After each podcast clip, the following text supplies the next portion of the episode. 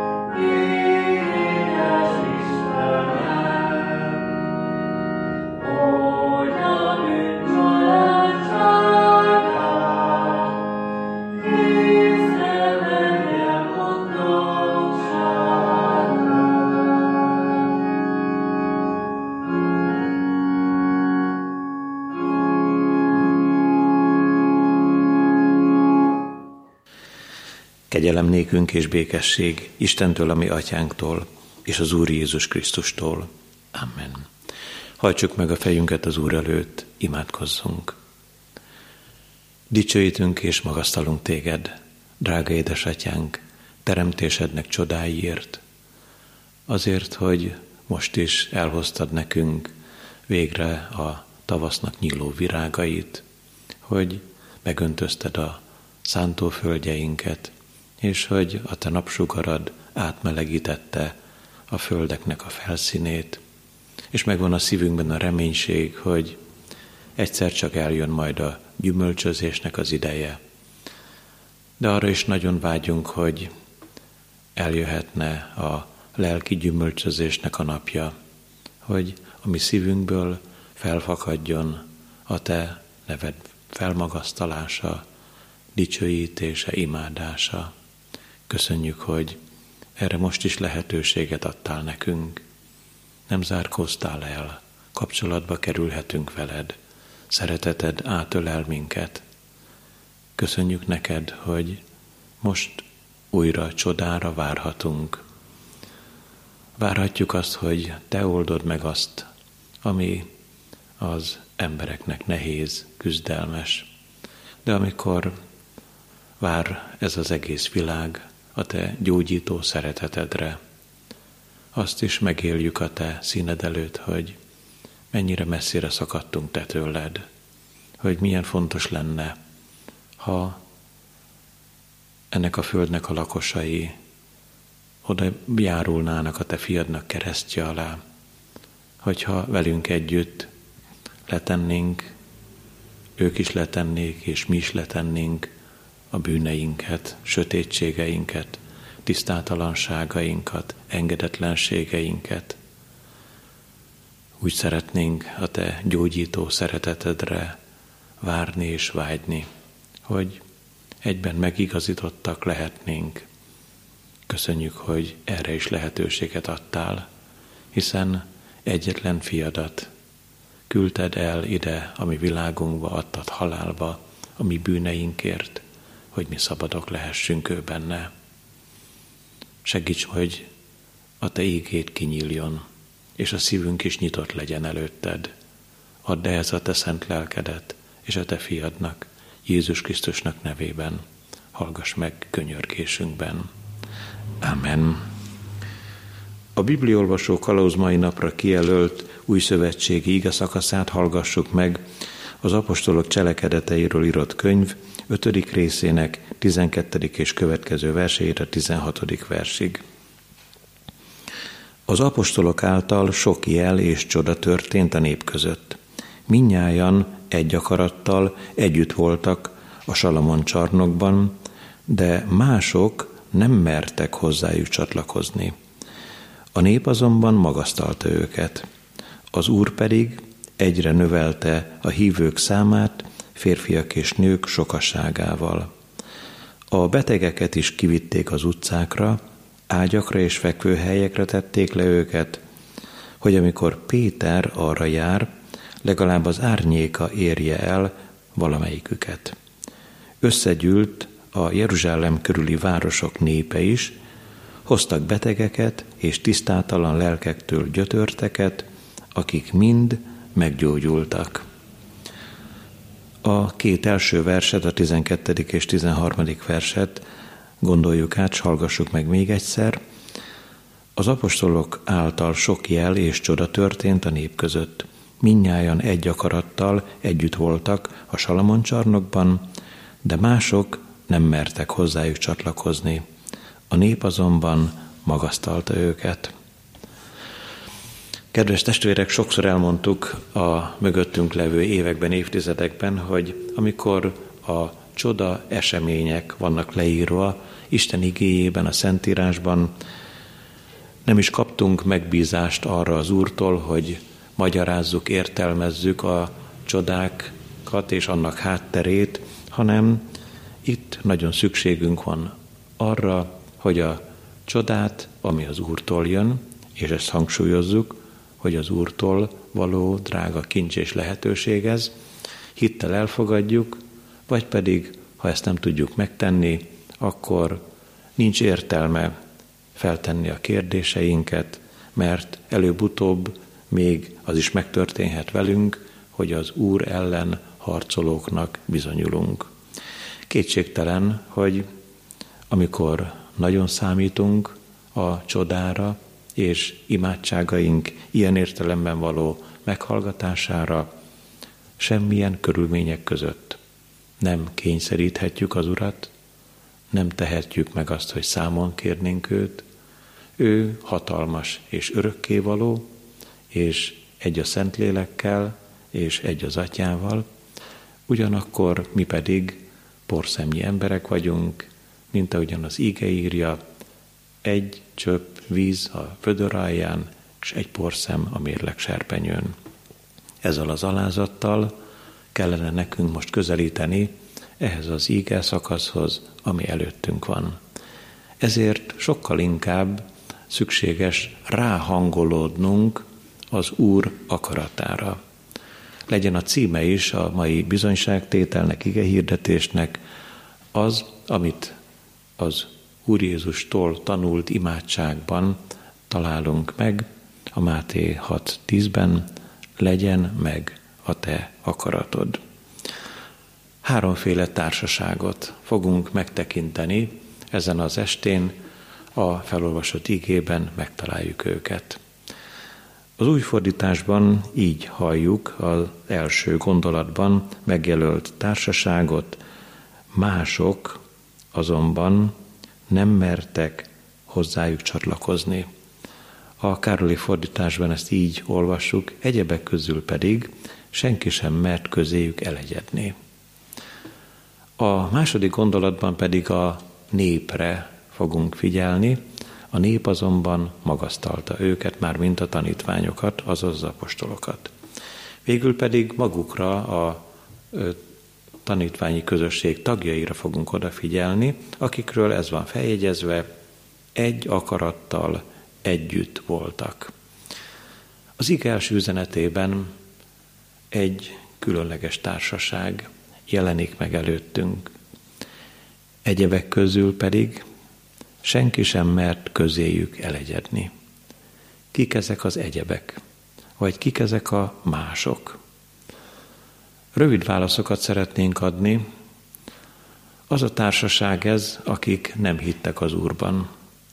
Úgy is mondhatnánk, hogy ellenségei ként jelennek meg a hívőknek, a hívő közösségnek, a tanítványok is úgy közelítenek ehhez a társasághoz, hogy fenntartásaik vannak. De ők, ezek a mások, ezek az egyebek valamit láttak a történések során, ami úgy visszafogta őket. Nem mertek becsatlakozni a tanítványok közé. Mégis szerettek volna megtudni valamit. Mégpedig azt, hogy miben rejlik ennek a tanítványi közösségnek, az apostoloknak az ereje. Vajon ki irányítja őket? Ki vezeti? Meg lehetne találni azt a személyt, meg lehetne nevezni a tizenkettő közül talán a legutolsót, akit most legújra, legutoljára választottak Mátyást, vagy a híres Pétert, vagy bárki mást, aki a tanítványoknak a feje lenne. Igen, egy titok van ezek előtt, az emberek előtt, akik a tanítványi közösség ellenfelei, és egy ószövetségi történésre hadd utaljak vissza. Sámson, a híres bíró, amikor ö, feleségül veszi Delilát, ott úgy látszik, hogy Delila szereti Sámson, Sámson még inkább szereti Delilát, egy meghitt kapcsolat ez, de nagyon egyértelműen lejön és kiderül az ottani leírásból, hogy Delila valójában ellensége, gyűlölője Sámsonnak, mégis olyan szeretetteljesen közelít hozzá, és kérdezi, hogy miben van a te nagy erőd. Hát aztán tudjuk mindannyian, hogy Sámson végül nagy nehezen elárulja, hogy a hajában van az ereje, és ez az ószövetségi gondolatsor azért jelent most meg előttünk, mert vannak az Úrnak és az Úr tanítványainak, az Úr apostolainak, vagy a ma élő hívő közösségnek olyan ellenségei, akikről úgy szoktuk mondani hétköznapiasan, hogy nem mutatják ki a foguk fehérjét, de mégis figyelnek a gyülekezetben. Hogy ezt még jobban meg tudnánk érteni, ha visszaforgatjuk az idő kerekét olyan 60 évvel, 50 évvel, akkor a régiek tudják azt közülünk is, hogy voltak olyan emberek a gyülekezetben, a templomainkban, akiknek ez volt a feladata, hogy figyeljék, mi történik, mi hangzik el, és ki hogyan viselkedik. Aztán olyan különleges esemény is történt, hogy nagyon ritkán ezek közül a megfigyelők közül egyik-másik hitre jutott, és az Úr szolgája lett, de nem ez volt a fel, eredeti feladatuk. Megbízottak voltak, hogy leadják az eseményeket, amik ott a templom csendjében történtek, és ezekből bizony sokszor nagy bajok következtek. Tehát ezek a mások, ezek az egyebek arra voltak kíváncsiak, ki irányítja a tanítványi sereget. És nem akarták semmilyen körülmények között elfogadni, elhinni, hogy létezik olyan, hogy az embereken túl valaki irányítaná a kiválasztottakat, hogy az oda tartozókat a tanítványi körbe bezárt kis társaságot a Szentlélek irányítja. Ezt ők semmiképpen nem akarták elfogadni. Pedig ezzel szembesültek. És emiatt szállt el a bátorságuk. Emiatt nem mertek csatlakozni a tanítványi közösséghez, hanem inkább csak távolról figyelték az eseményeket, ugyanis tanúi voltak, lehettek annak, amikor Anániás és Szafira a szent lelket akarták becsapni. Nemrégiben olvastuk a mögöttünk levő napon az Anániás Szafira történetét. Péter mondja is, hogy a Szentlélekkel mentetek volna ti szembe, és őt akartátok volna becsapni. Ezért aztán az egyebeknek, ezeknek a másoknak, a kívülvalóknak megfélem lett a szívük. Mégis fenntartották a gondolatot, hogy meg kellene fejtetni, fejteni. Mi a titka a hívők hitének? Hogyan lehetnek ezek egy akaraton? Természetesen a kérdés az is volt, hogy hogyan történhetnek a csodák hogyan gyógyult meg a bénalábú ember az ékes kapuban, és a többi esemény, és ami a mai ige szakaszban van leírva. Amikor ők feltették ezt a kérdést, azt is mondhatjuk, hogy valójában ők látván nem láttak.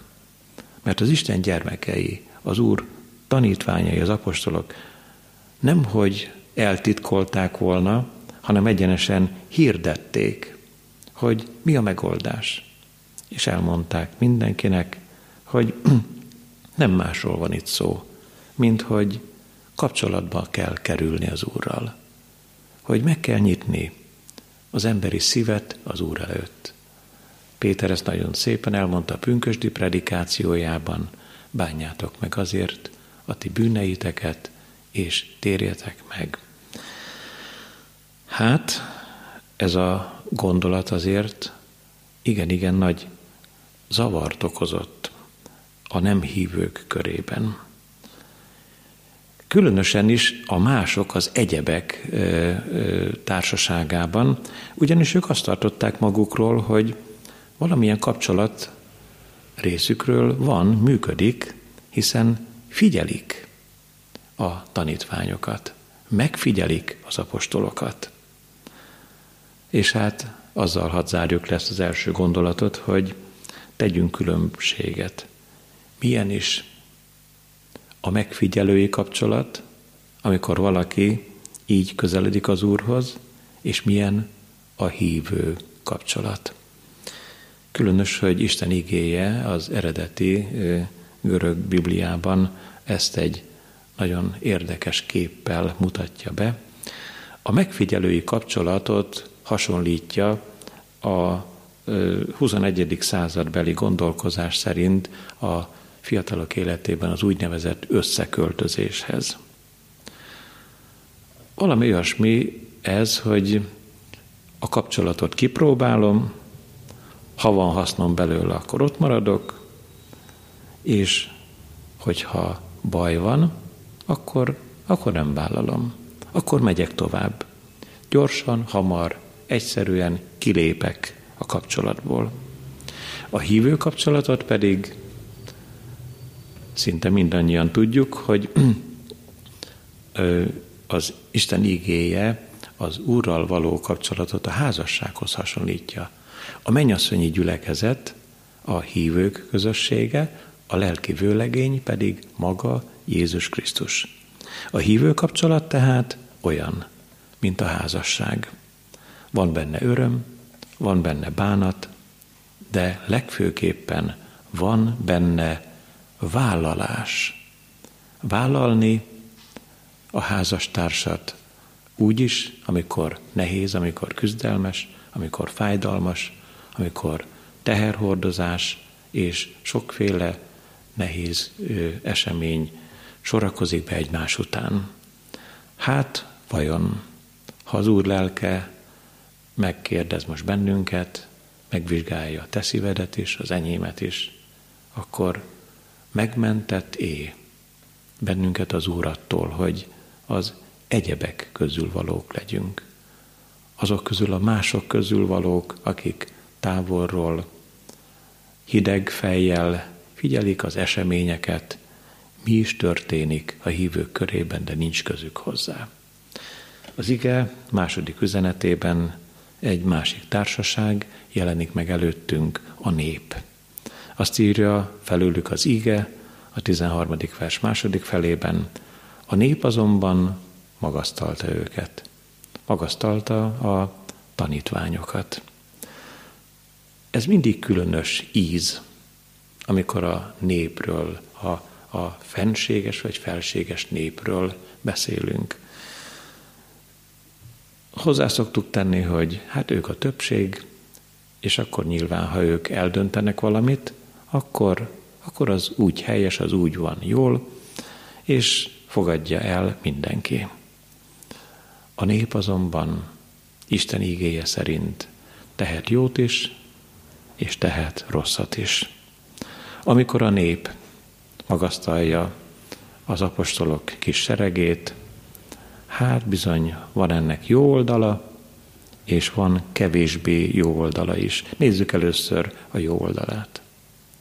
Az nagyon jó, ami le is van írva az ígében, hogy látják a tömegnek a tagjai, a nép részéről azt, hogy a, a, a gyülekezet jól végzi a maga munkáját, hogy hűségesen és úgy jár el, ahogyan a gazdája, Jézus Krisztus megbízta őket.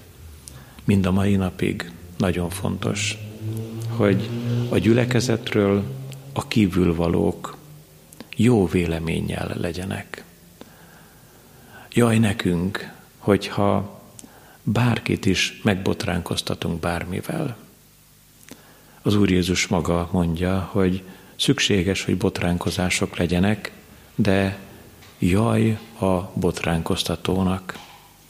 Hála legyen a mi drága Urunknak, hogyha van ma is a külvilág számára vonzó gyülekezet, olyan gyülekezeti közösség, ahova előbb-utóbb a külvilágból, a nép tagjaiból bebetérnek, és, és ott is maradnak.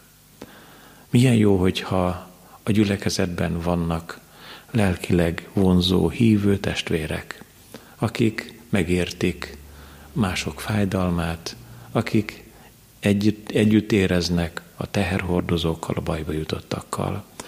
Azonban az apostoloknak, vagy nekünk, a gyülekezetnek, a hívők seregének tudnunk kell, hogy ez is az Úr ajándéka, hogyha tudunk hívni, vonzani, szeretni, megérteni, együtt érezni, segíteni. Azonban nézzük meg ennek a kevésbé jó oldalát is, amikor is a nép magasztalja a tanítványokat, az apostolokat. Mert felmerül a kérdés, vajon, amikor vonzunk, biztos, hogy jó irányba vonzunk? Tudjuk, hogy kihez vagy mihez vonzunk? Ugyanis kétségtelen, hogy éppen a mai ége szakaszban csodálatos gyógyulásokról, nagymértékű gyógyítási csodákról hallunk, de vajon pontosan ez a feladata az apostoli közösségnek és a ma hívőinek, hogy mi a legfőbb hangsúlyt arra tegyük, hogy a betegek meg fognak gyógyulni, hogy a közösségben, a gyülekezetben olyan csodák lesznek, ami valami emberfeletti hatalomról, erőről beszél. Kétségtelen, hogy a gyülekezet hitét, sőt a kívülvalóknak a gyülekezethez való jó hozzáállását erősíti a csoda. Erősíti az, ha gyógyulások történnek, legfőképpen a testi gyógyulásokra gondol itt Isten igéje. Viszont azért egy pillanatra gondolkozzunk csak el, hogy ha a gyógyításokra helyezzük a hangsúlyt, és nem Jézus Krisztus személyére, akkor nem járunk-e téves úton? Azt mondja maga az Úr Jézus Krisztus is, hogyha jeleket és csodákat nem láttok, nem hisztek. Sőt, így folytatja, e gonosz és parázna nemzedék jelt kíván, de nem adatik neki más, csak Jónás próféta jele. Ahogyan Jónás három nap és három éjjel volt a halnak a gyomrában, úgy lesz az embernek fia is három nap és három éjjel a föld gyomrában. De mi is történt Jónással, és mi is történt az Úr Jézussal? Jónás kiszabadult a halnak a gyomrából, az Úr Jézus pedig feltámadt a halálból. Ezért nekünk, azon túl, hogy nagyon boldogok vagyunk, és igen-igen hálásak vagyunk a testi gyógyulásainkért, azokért a csodákat, amelyeket, amelyekért mindannyian hálát adunk, mert átélt, átéltük, megéltük, a feladatunk mégis, hogy elsősorban és mindenek felett Jézus Krisztus személyéhez, az ő keresztje alá, és a menny ígéretéhez, ígéretéhez hívjuk a keresőket, a megfáradtakat.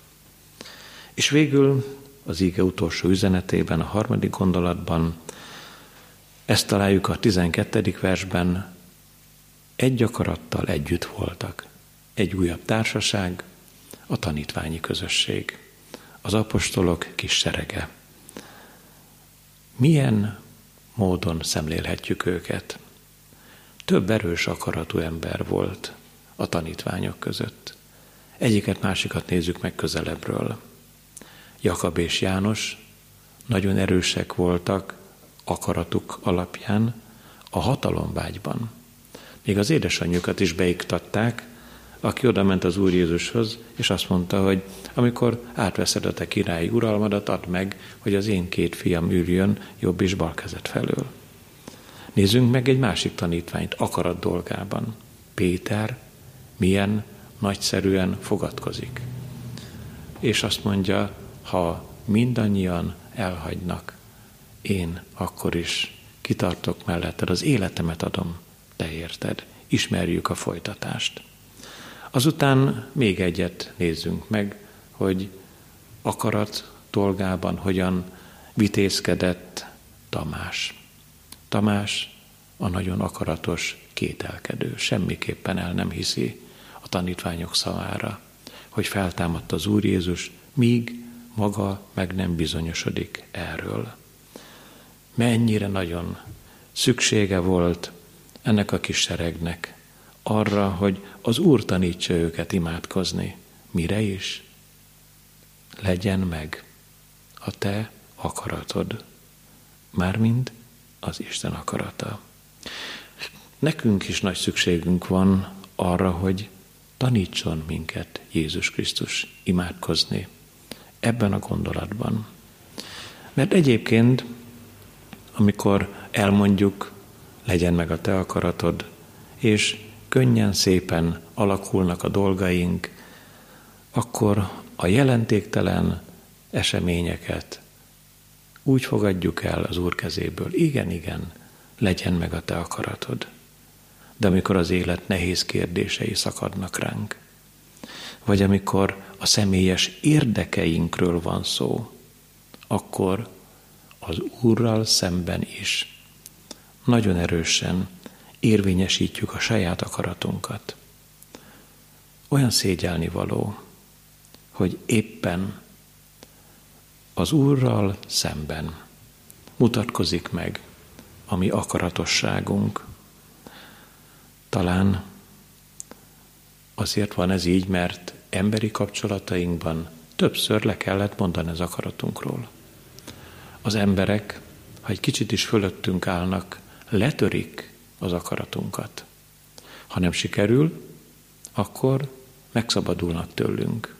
És mi befele hulló könnyekkel lemondunk a saját akaratunkról, nem azért, mert ezt mi önként tesszük, hanem mert kényszer alatt élünk és járunk. Az Úrral szemben azonban bizony akaratoskodunk. Azért különleges és csodálatos, hogy amikor a Szentlélek kitöltetett az apostolokra, ezt a legnehezebb leckét mégis megtanulták. Mert hiszen hogy is lehettek volna ők egy akaraton, amikor ott volt a külső ellenség, a főpapok, a nagy tanács tagjai személyében. Megjelent a belső ellenség, említettük Anániást és Szafirát. Bizony, ha nem lettek volna egy akaraton, azaz nem az Úr akaratához igazították volna az életüket, összeomlott volna a hitük. De hát kitől is tanulták meg igazán. Ha alig-alig is hallották, mert ott a Gecsemáné kertben elaludtak Péter, Jakab és János is, meg a többiek távol voltak. Az Úr így imádkozott. Mindazáltal ne úgy legyen, ahogyan én akarom, hanem amint te, atyám. Ez a legnehezebb imádság, mert az Úr Jézus ekkor a halálára, a kereszt halára készült. Ő is szerette volna ezt kikerülni, de azért nem kerülte ki, hogy nekünk helyünk legyen a mennyben. Ennyire szeretett bennünket, ami drága Urunk. A mai bizonyságtételt egy Turmezei Erzsébet versel hadd fejezzük be, és ebben meglátjuk, hogy milyen nehéz kérdés az, amikor az akaratunkról valami módon le kell mondanunk, és rá kell hangolódnunk az Úr akaratára. Hallgassátok meg ezt a, ezt a verset. A vers címe a legnehezebb kérés. Legyen meg a te akaratod. Ha elkerülnek gondok, bánatok, könnyű kimondani. De ha nehéz órák jönnek, s az öröm ködbe vész, ha a szív vérzik, a lélek zokog, ha éjszakának tűnnek nappalok, eltördelni mégis a mondatot, hogy legyen meg a te akaratod. Inkább sikoltanék, atyám, ne, ne. Miért kell ennek így történnie? Szívem keserű lázadásba jut. Ha érthetetlen előtte az út, sírva tesz fel kínzó kérdéseket. Én Istenem, hát ez a szeretet? Aztán elcsitul. Bocsáss meg, atyám. Te szeretsz engem híven igazán. Kínban vergődő szívvel is tudom, te vezetsz engem a legjobb úton. Ellenemre is véghez viheted, de szívem attól nem lesz csendesebb. Taníts meg hát szívből kiáltani, ne csak szájjal, de szívvel mondani. Ahogy te akarod, ne ahogy én. A békesség csak így lesz az enyém.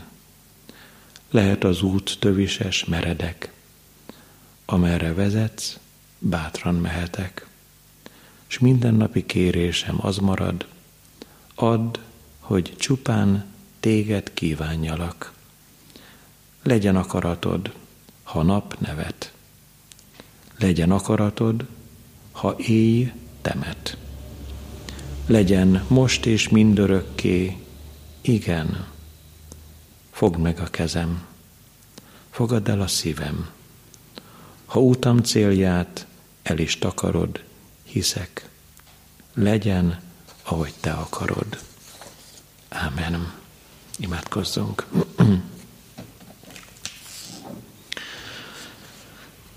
Hálatelt szívvel magasztalunk téged, drága Jézus Krisztus, hogy volt erőd a Gecsemáné kertben kimondani azt a legnehezebb mondatot. Ne úgy legyen, atyám, ahogy én akarom, hanem amint te. Bevalljuk te neked, hogy mi ezt a mondatot sem veled szemben, sem az emberekkel szemben nem szívesen mondjuk ki. Az emberektől félünk, ezért rájuk hagyjuk, hogyha erősebbek és hatalmasabbak nálunk, hogy akaratukat érvényesítsék felettünk. De úgy megszégyenülünk, amikor kereszted alá állunk, hogy mélységeinkben, küzdelmeinkben, leverettettségeinkben, megalázott állapotunkban perlekedünk veled, és nem akarunk igazán előtted alázatban járni és élni. Nem akarjuk igazán őszintén bűneinket megbánni és letenni. Nem akarjuk elfogadni, hogy az egyetlen jó és helyes akarat a te akaratod, mert abban ott van a mentő szeretet, ott van az oltalom, a védelem, a bűnből való szabadítás, az új életnek a kezdete, a reménység, hogy a mennyei élet kincse vár rejánk veled. Könyörülj meg rajtunk, hogy tudjunk szembenézni a mi saját gonosz akaratunkkal és akaratosságunkkal. Tudjunk megszabadulni önmagunktól, önmagunk bűveletéből, és hadd lássunk téged annak, aki vagy, a szeretett gazdag pásztorának, a drága, hatalmas megváltónak, annak, aki egy az atyával és egy a Szentlélekkel, aki tegnap és ma és örökké ugyanaz. Úgy szeretnénk elrejtve lenni a te védelmedben. Adj nekünk ehhez egyszerű szívet, amelyik megnyílik előtted, hogy békességünk legyen benned.